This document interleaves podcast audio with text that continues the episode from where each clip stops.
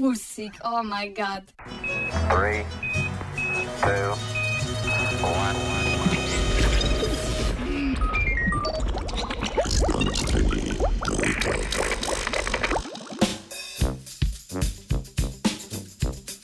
Umetna fotosinteza bolj učinkovita od rastlin.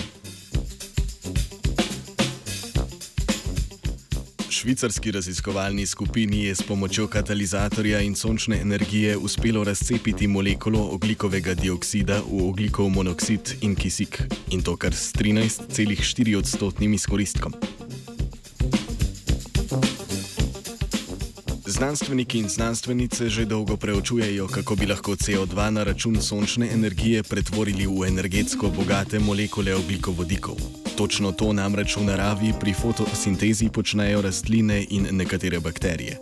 Vendar je izkoristek naravne fotosinteze zelo nizek, saj živi, živim bitjem v kemično energijo uspe pretvoriti le en odstotek sončne energije. Poznamo že nekaj načinov pretvorbe oglikovega dioksida v energijsko bogatejše molekule, ki bi jih lahko uporabljali podobno kot goriva.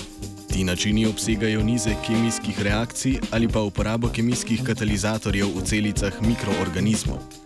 Znanstvenikom in znanstvenicam je tudi že uspelo doseči večje izkoristke od tistega enega odstotka, ki ga dosega naravna fotosinteza.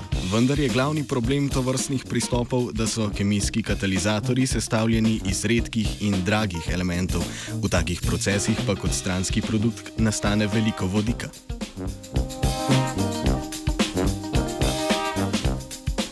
V preomenjeni študiji so raziskovalke in raziskovalci uporabili katalizator sestavljen iz tankega sloja kositrovega oksida na nanonožici iz bakrovega oksida. Nobena od naštetih spojin na Zemlji sicer ni redka.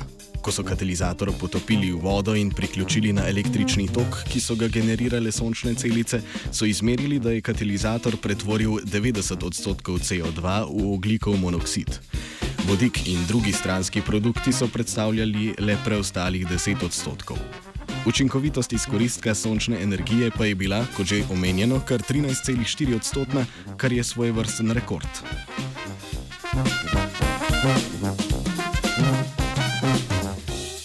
Naslednji korak v umetni fotosintezi pa bo pretvorba oglikovega monoksida v oglikovodike, kot je denimo gorivo metanol.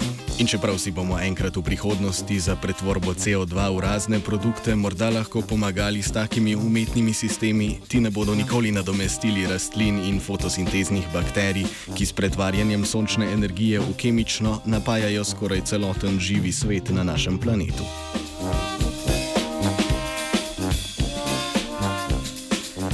Kemično energijo vsak dan troši Angelika. Jaz sem mala roža, roža mamina,